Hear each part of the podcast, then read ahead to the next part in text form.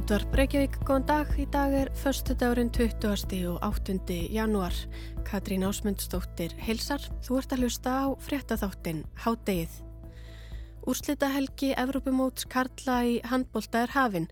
Spátn og Danmörk mætast í undanúrslitum í dag og Frakland og Svíþjóðar strax á eftir. Á sunnudagin verður svo barist um byggarinn og bronsið. En nú eftir aðeins nokkra tíma spilar Ísland við Noregi í Ungverjalandi um fymta sætið á mótinu eftir að öll vonum að komast í undanúrslitin kvarf með tableik Dana gegn frökkum á miðugudagin. En það er hann til mikils að vinna. Því fymta sætið veitir beinan farseðil á heimsmestramótið í Pólandi og Svíþjóð á næsta ári og þýðir að liðið sleppir við undan keppni. Mótið hefur verið alls konar, algjör tilfinningarúsipanni held ég að sé óætt að segja og mikið gengið á. COVID-smitt og fleiri COVID-smitt og óvisa, tæft tap gegn króutum og átakanlegur leikur dana gegn frökkum. Lægðirnar voru einhverjar en hæðirnar talsvert fleiri og árangur liðsins glæstur og ennin á eftir. Í setni hluta þáttarins ræðum við við Helgu Margreti Hörskuldstóttur Íþróttafréttamannum leikin sem er framundan, baráttu Íslands og Noregsum fynda sætið og förum yfir mótið, bæði það sem er búið af því og það sem eftir er. Við byrjum þó því að fara yfir leik Dana og Frakka og já, ég held að með ég segja áköf viðbröð landans við honum. Það er sérstætt komið að örskýringu Allafannars Bjarkarssonar sem leitast við að útskýra flókinn og oftar en ekki fyrðuleg fyrirbæri á sem einfaldastan hátt í þeim.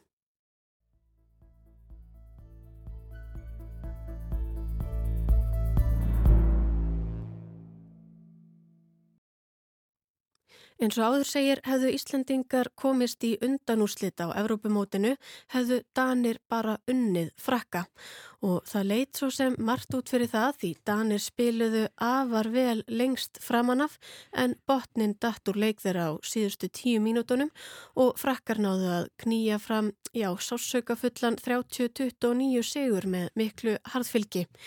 Þetta fór öfugt ofan í þjóðarsálinna og það sem byrjaði sem létt spaug snýrist fljótlega upp í andkverfu sína þegar Danir tilkynntu að þeim hefðu borist líflátshótanir frá stuðningsfólki íslenska liðsins.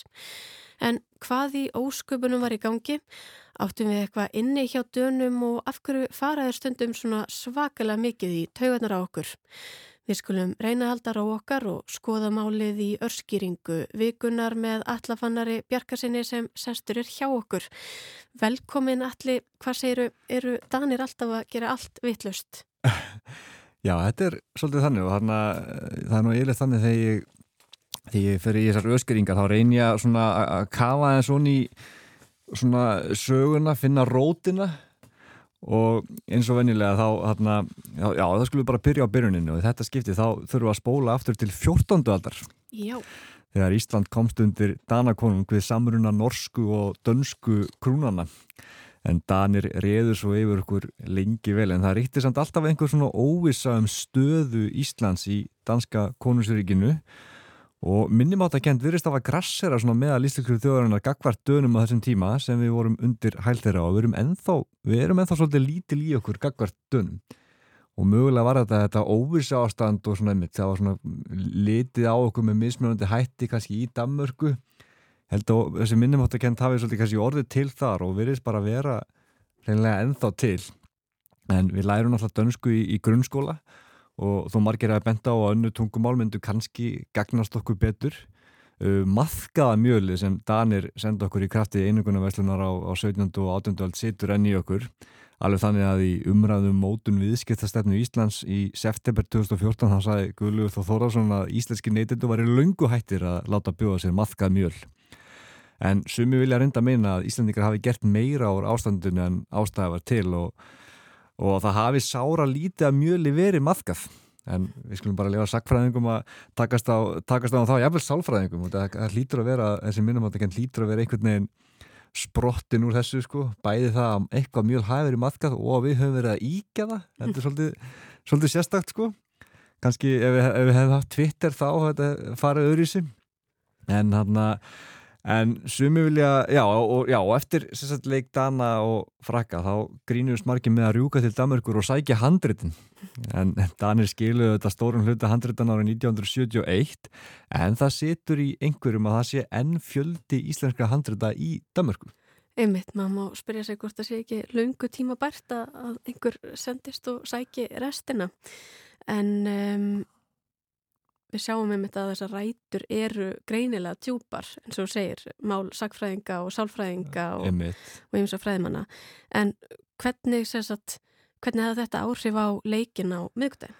Hvað með hann? Já sko, eftir grátlegt tap Íslands gegn Kroatíu verðum við að treysta á Damörk eins og allir vita að myndi sigra Frakland svona núna miðgudagin Danir töpuð eins og var og á samfélagsmiðlum byrjaði fólk að hallmæla öllu sem er danst en yfirleitt svona í léttum dúr menn hótuð að sækja handritin eh, Bræði Valdimar til dæmis okkar maður rúf, hann, hann hótaði því.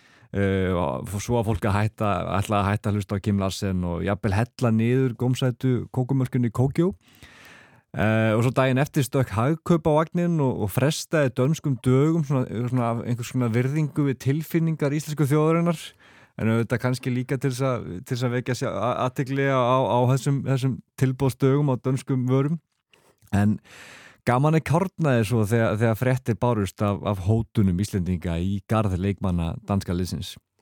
Einmitt maður sá þetta vatn mjög einhvern veginn rætt upp á sig en svona þetta hljómar einhverju leiti kunnulega eða hvað? Já, það er nefnilega, er nefnilega svolítið góða punktur því e, þetta hljómar bara mjög kunnulega. Í sumarinn 2019 þá mætti íslenska karlalansliði fókbólta því tyrkneska í undakefni EM og þegar leikmaður Tyrklands eh, svaraði spurningu fréttamanna á keflauguflugli þá mætti maður með þvóttabusta í stað hljónuma sem Tyrki lítu á sem bara mjög mikla móðgun. Og á þessum tíanbúti vissi samt engin hvers lenskur þvóttabusta maðurinn var en mann gáði sér að þarna hefði verið Íslandíkur að ferð, Íslensku grínisti að ferð. Og svíverðingum bara hreinlega ringdi yfir leikmennleginsins og Íslandinga bara almennt á, á sérstaklega á Twitter Þannig að við kannski bara þekkjum jafnvel og vel að veginn rauna að lenda í svona stormi stuðningsmanna. Já, sem gerir svolítið sérstætt að við séum sko hversu fljót við erum að grípi að gera það sama og ég ætla að koma að því á þann að það hlýtur að hafa spilað inn í að, að, að það voru danir sem áttu að vinna leikin en ekki einhverjur aðri. Ég hugsa að hefðum ekki lagt jafn mikið tröst á herðar annara þjóða heldur en dana nema kannski að það veru færingar eða eitthvað svona, eitthvað svona nátengt en sko, þetta er, svo er ennþá snúnara í þessi ljósi að Danir gáttu ekki treyst á okkur þegar á reyndi bara á EM í handbólta árið 2020, bara á síðasta örfumóti. Já. Þá voru Danir í svipari stöðu og Íslandingar og hann voru síðasta miðuguta og þurfti að treysta á sigur Íslands gegn Ungverðarlandi til að komast áfram þá hefði, þess, í millirrið og þá hefði þeim ekki gengið sérstaklega vel. En áttu örlítin möguleika á að komast áfram ef Íslendinga myndu bara vinna Ungverðarland Íslanda þá er sömu stöðu og Danir og, og, og þurfti ekkert að vinna leikin gegn Ungverðarlandi til að komast áfram í millirriðil mm -hmm. og við töpuðu leiknum og Danir sáttu eftir með sást ennið. Þannig að við við erum ansi fljóta að gleima sínist mér. Mm -hmm, mm -hmm. það svona eina, eina, eina nýðustum þessari öskeringar að við höfum bæði fengið yfir okkur eh, stuðnisfólk annara landa og svo höfum við brúðist trösti frænd okkar í, í, í Damörgu á eiginlega nákvæmlega sama hátt nema kannski eini munurinn núna og EM 2020 er að það var aðeins meira undir núna Já. sem gerur okkar gremju kannski aðeins skiljanari Já, einmitt, og, og náttúrulega þetta stóra samhengi sem að þú vísaðir til. Jú, og maðkaða mjög lögut. Já, já. en þannig að þetta svona einmitt þá fer svolítið í bara einhverja ringi. Kanski má segja við sem einhverju leiti aðeins meira jöfn núna eftir þetta. En hvað gerist svo næst ef við pælum aðeins í framtíðinni? Já, það er mjög góð spurning og kannski bara læru við af þessu. Mér fannst koma fram mjög góð punktur frá, hérna, á, á Facebook ég held að það hefði verið blagamæðurinn Jakob Bjarnar Gretarsson sem að bendi á að, að íþróttir eru þykistu stríð og, og sem sagt rifrildin í kringum íþróttir eru þykistu rifrildi og fólk sem fattar það ekki það er bara algjörlega miskilja íþróttir mm -hmm. og hva, hva, allt þetta sem er í gangi þannig að þeir sem fara út í hótanir þeir eru algjörlega miskilja þetta en auðvitað er vinaleg, svona vinalegur kýtingur bara skemmtilegur í, í íþróttum en hvað gerist næst? Kanski vinnum við normin í dag og, og tryggjum okkur farsiðirinn og háum að næsta ári og þá, þá getum við bara hvað segja þarna, þá getum við reynda að hefna okkar bara á, bara á, á vellinum á háum Nákvæmlega, maður má vona. Já. Takk kærlega fyrir komuna allir fannar við náðum því miður ekki lengra með þetta en höldum áfram með EM umræðuna hér rétt á eftir frettir.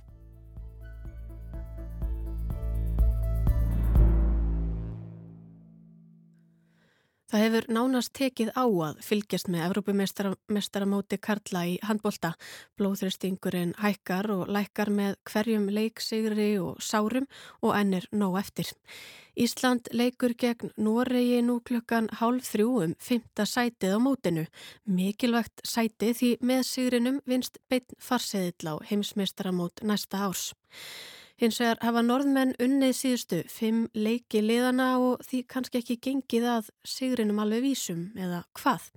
Helga Margret Hörskuldstóttir Íþróttafréttamaður er komin til okkar til að ræða betur við okkur um hvers má vænta af leik og leikjum dagsins því úrslita leikirnir tveir taka við leik Íslands og Noregs og farið við móti með okkur. Velkomin Helga Margret. Takk hérlega fyrir það. Sko að segja, árangur íslenska karlalandsliðsins hefur verið, já, eða bara ótrúlegur. Er ekki óhætt að segja það?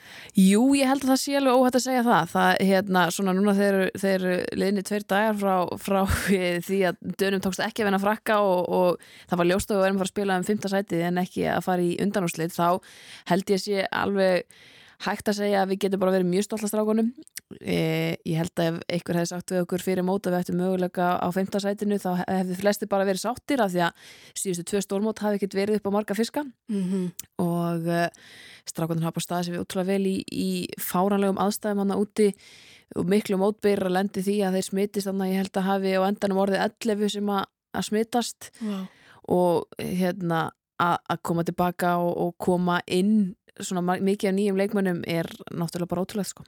Þetta er ótrúlegt, maður er með að hugsa á það sko bara getur ímyndað sér pressuna einhvern veginn að spila sinn fyrsta leika á, á stórmúti og mann hlýtur að líða svolítið svona eins og það sé svo mikið undir öll þjóðin að fylgjast með og hvetjum hann áfram um, með leik dana á frakka, það hlýtur að vera sko svekkjandi þegar að örlögumann síðan sko veld ekki á manni sjálfum heldur, heldur einhverjum öðrum Já og þeir töluði mitt um það strákanir eftir leik, leikina móti svartillingum á, á miðgudagin að það var auðvitað frábært að vinna hann en að samaskapi ótrúlega óþægilegt og, og það er í rauninni bara ekki hægt að þú veist að ætlast til þess að einhver annar mm gera eitthvað fyrir mann í íþróttum, það virka bara ekki svoleiðis. Eh, og svo var þetta náttúrulega bara ekstra svekkjandi af því að Daninir virtust vera með leikin eh, en eiga svo bara mjög slæmar síðustu tíu mínúndundar og, og frakkanir taka þetta en uh, ég held að strákvöndum mæti bara dýrvillis í, í leikin í dag moti Nóri og, og sjá það sannlega sem, sem uh, já, góða gullrót að geta tryggt sér inn á HM á næsta ári.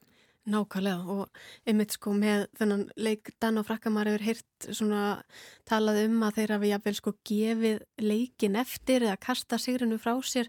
Hvað segir þú um það?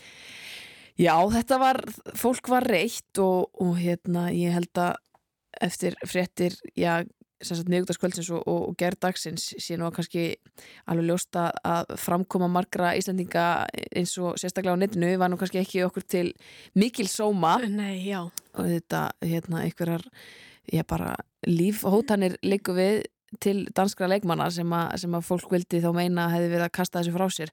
En ég bara trúi ekki að, að íþróttamenn á þessu, þessu stíi hugsi svona, þú veist, mm -hmm. það, það auðvitað getur alltaf eitthvað gerst og, og það sem gerst í þessum leik er bara, bara það að, það að það klikkar hjá dönunum sóknarleikurinn, en það er líka að hluta til að því að, að varnarleikurinn hjá frökkum verður svo, svo góður og þeir fara svo að skora, þú veist mm -hmm. þannig að auðvitað er hægt að, hægt að setja spurningamerki við það að þjálfverðin ákveður að kvíla sína þrjá bestu leikmenn, en á sama tíma fer hann inn í þennan leik vitandi að hann sé komin í undanúslitt mm -hmm. og hérna, og reynir bara spurningin um hvort hann endar í fyrsta öðru sæti riðelsins sem að því hérna segir svo hvort hann mæti spánveri með svíum í undanúslutunum og, og einhverju myndir vild, vildi nú meina að það get ekki verið að Darindi myndi vilja mæta spánverum sem að þeir gera svo af því þeir lenda mm. í öðru sæti með þessu tapi en ég held að það getur bara verið að Darnir hafi bara hugsað þeim væri eða sama. Hvor, Mhm. hvor, hvort liðið kemur upp úr hattinum en auðvitað fara þér inn í hennan leik til þess að vinna og það sést á, á hérna, stæstum hluta leiksins það sem að, að menn er að bara spila virkilega góðan handbólta og þeir komast náttúrulega langt yfir og í þessum leik. Þannig að ég held allavega persónulega að, að það hafi allir ætlað að vinna þennan leik. Já, uh, burtsi frá því svo þú veist, svo er náttúrulega bara svo margir hluti sem að koma hana inn í, þú veist, þú, þú ert líka pressulaus og það getur haft áhrif á því á meðan frakkanir eru með baki uppi vegg og þurfa að vinna hana leik og það, Mhm. þú skifur þeim líka eitthvað auka búst hann í lokin, sko. einmitt, já, þetta er, þetta er svo, þetta er ekki kannski bara íþróttinnar, þetta er með hausinn að svo miklu leiti líka. veginn. Nákvæmlega og, og það er ekki að sama að spila leik þar sem þú veist að úrslitin þannig sé skipta ekki öllu máli versus það að spila leik þar sem þú veist bara að þú ert dottunur, keppni ef, að, ef þú vinnur ekki, sko. Einmitt. Svo hugsa maður að það er ennþá nóg eftir þessum hóti og bara rétt á eftir tökum við leikur Íslands og Noregs um fymta sætið sem Mhm. er svona mikilvægt. Vitu við eitthvað við hverjum að búast eða hvernig þessi leikur mun líta út? Það er ótrúlega góð spurning og við vorum nú bara að fá, þetta gerist líka henni síðustu vik þegar ég var hér á Guðmundi, þá fengum við, við erum yfirleitt að fá svona um eitt leiti sem sagt posta frá HSI úti í Ungurlandi og það eru svona gleðifrættir á þessu sinni, það voru ekki gleðifrættir fyrir viku síðan, en það eru gleðifrættir að, hérna, Ólafur Andris Guðmundsson og Janus Stæðis Márusson eru lausir úr einangrun, hann að þeir bætast, uh, bætast við hópin í dag, ger ég ráð fyrir. Um, en ég held bara strákanir og strákanir sögðu það er villum í gera, þeir mæti bara dýrvillusir í þennan leik og, og það er hérna, Bjarki Mór Elísson sagði nú að, að þeir vilji, vilji kórónamótið og það væri auðvitað ótrúlega leiðilegt að tapa og enda þetta á þessum nótum þegar þetta hefur verið svo jákvægt móta mm -hmm. svo Mhm. mörgu leiti og, þó, og einmitt af því að sjötta sætið ef að það er neðustan ef við myndum tapa ja, sjötta sætið er, er, bara, er bara mjög góður árangur og, og fyrir mótið var að tala um að, að þeir vildi koma sér aftur inn á topp 10 sem að þeir eru búin að gera nú þegar Mm -hmm. þannig að fymta sæti og hámsæti eru auðvitað bónus en, en ég trú ekki öðru en að strákanir verði bara já, klikkaðir í þessum leik og, og þeir koma líka inn í hann með sigur á bakinu, síðasti leikur þeir unnu hann bara stórt, norðmenn eru aftur á móti með svekkelsi á bakinu af því þeir rétt svo töpuð fyrir svíjum og mistu þar leðandi af undanúslutasætinu þannig að það er líka aftur komið að hausnum Mm, sko, þú veist, hérna hvernig, hvernig þeir koma stemdir inn í hann leik það, það getur verið misamt, en svo getur líka svo getur verið að tapið gegn svíjum hafi bara kveikt ennþá meiri norm, normennum og þeir séu bara starranur í að, að vinna hann leik í dag sem eru örgulega hvort við er, en veist, þetta Þetta verður mjög áhverð að sjá hvernig þetta spilast og við höfum átt erf með normennina en þetta hafa alltaf verið mjög spennandi leikir og pottit að þessi verður það líka. Já, maður lakar mikið til að, að fylgjast með þessu, hvernig þetta fer allt saman. Um, en hvað með, ef við tökum hérna pælum aðeins í því með bara úrslitin sjálf, ertu með einhverjar pælingar um hvernig þetta gæti allt saman farið, hver, hver það verður sem að reppir að lokum byggarinn og hver situr uppi með bronsið og, og svo framvegis. Þetta, þetta verður ótrúlega, ótrúlega spennandi. Við fáum, fáum leik Dana og Spánvera á eftir klukkan 5 e, og hann er í beinni rúf og svo er það leikur frakka og svíja klukkan e, hálf átta á rúf 2 og þetta eru tveir leikir sem er, er svolítið erfitt að spá í sko. Daninir eru náttúrulega ríkjandi heimsmyndstarar og þeir hafa litið mjög vel út á þessu móti að frá skildum þessum loka mínútum á móti frökkum en þar höfðu þeir náttúrulega ekki sína bestu menn um, Spánverðarnir eru líka ólsegir, þeir eru sko þeir eru Evropamestrar síðustu tvekja ára og gætu orðið bara önnur þjóðin held ég í sögunni til þess að verða Evropamestri þrísvar í röð. Þannig að þeir eru líka með sína gullrót og, og bæði Danmörk og Spátnir eru bara lið sem eru vöndi að vera í úslitum og stórmótum. Þannig að það verður án efa spennandi leikur eða ég ætla ekki ráð fyrir því. E, þó svo að, að hérna, það vanti leikil menn hjá Spánverum svona út af þeim sem ástæðum. E, frakkar og svíþjóð það er líka annar leikur þetta er kannski lið sem að byrjuði mótið ekkert eitthvað af rosalegri sannfæringu og, eh, og eiga enn mikið inni. Veist það eru, margir, það eru stóri leikmenn hann að mennur svo Nikola Karabatic á frökkum og, og Jem Gottfridsson hjá Svíjum sem, a, sem að eiga mikið inni. Og ef þeir eiga sem besta leik þá getur hvað sem ert gerst. Ég held bara að báður þessi leikir ættu allavega svona á papirnum að verða mjög spennandi sko. Og ef ég á spá þá, þá væri maður náttúrulega til í mest til í það að frakkar og, og danir fari áfram í undanúslutunum og, og frakkar vinni svo danina aftur í úslutunum það verði já, svona, náum fram hemdum okkar í gegnum frakkan eða þó, eða þó að hérna að Daninni tapir bara fyrir spánurum í dag og, og, og Nikola Jakarsson þjálfur Dana getur þá verið svektur með það að hafa ekki reynd að mæta svíum frekar?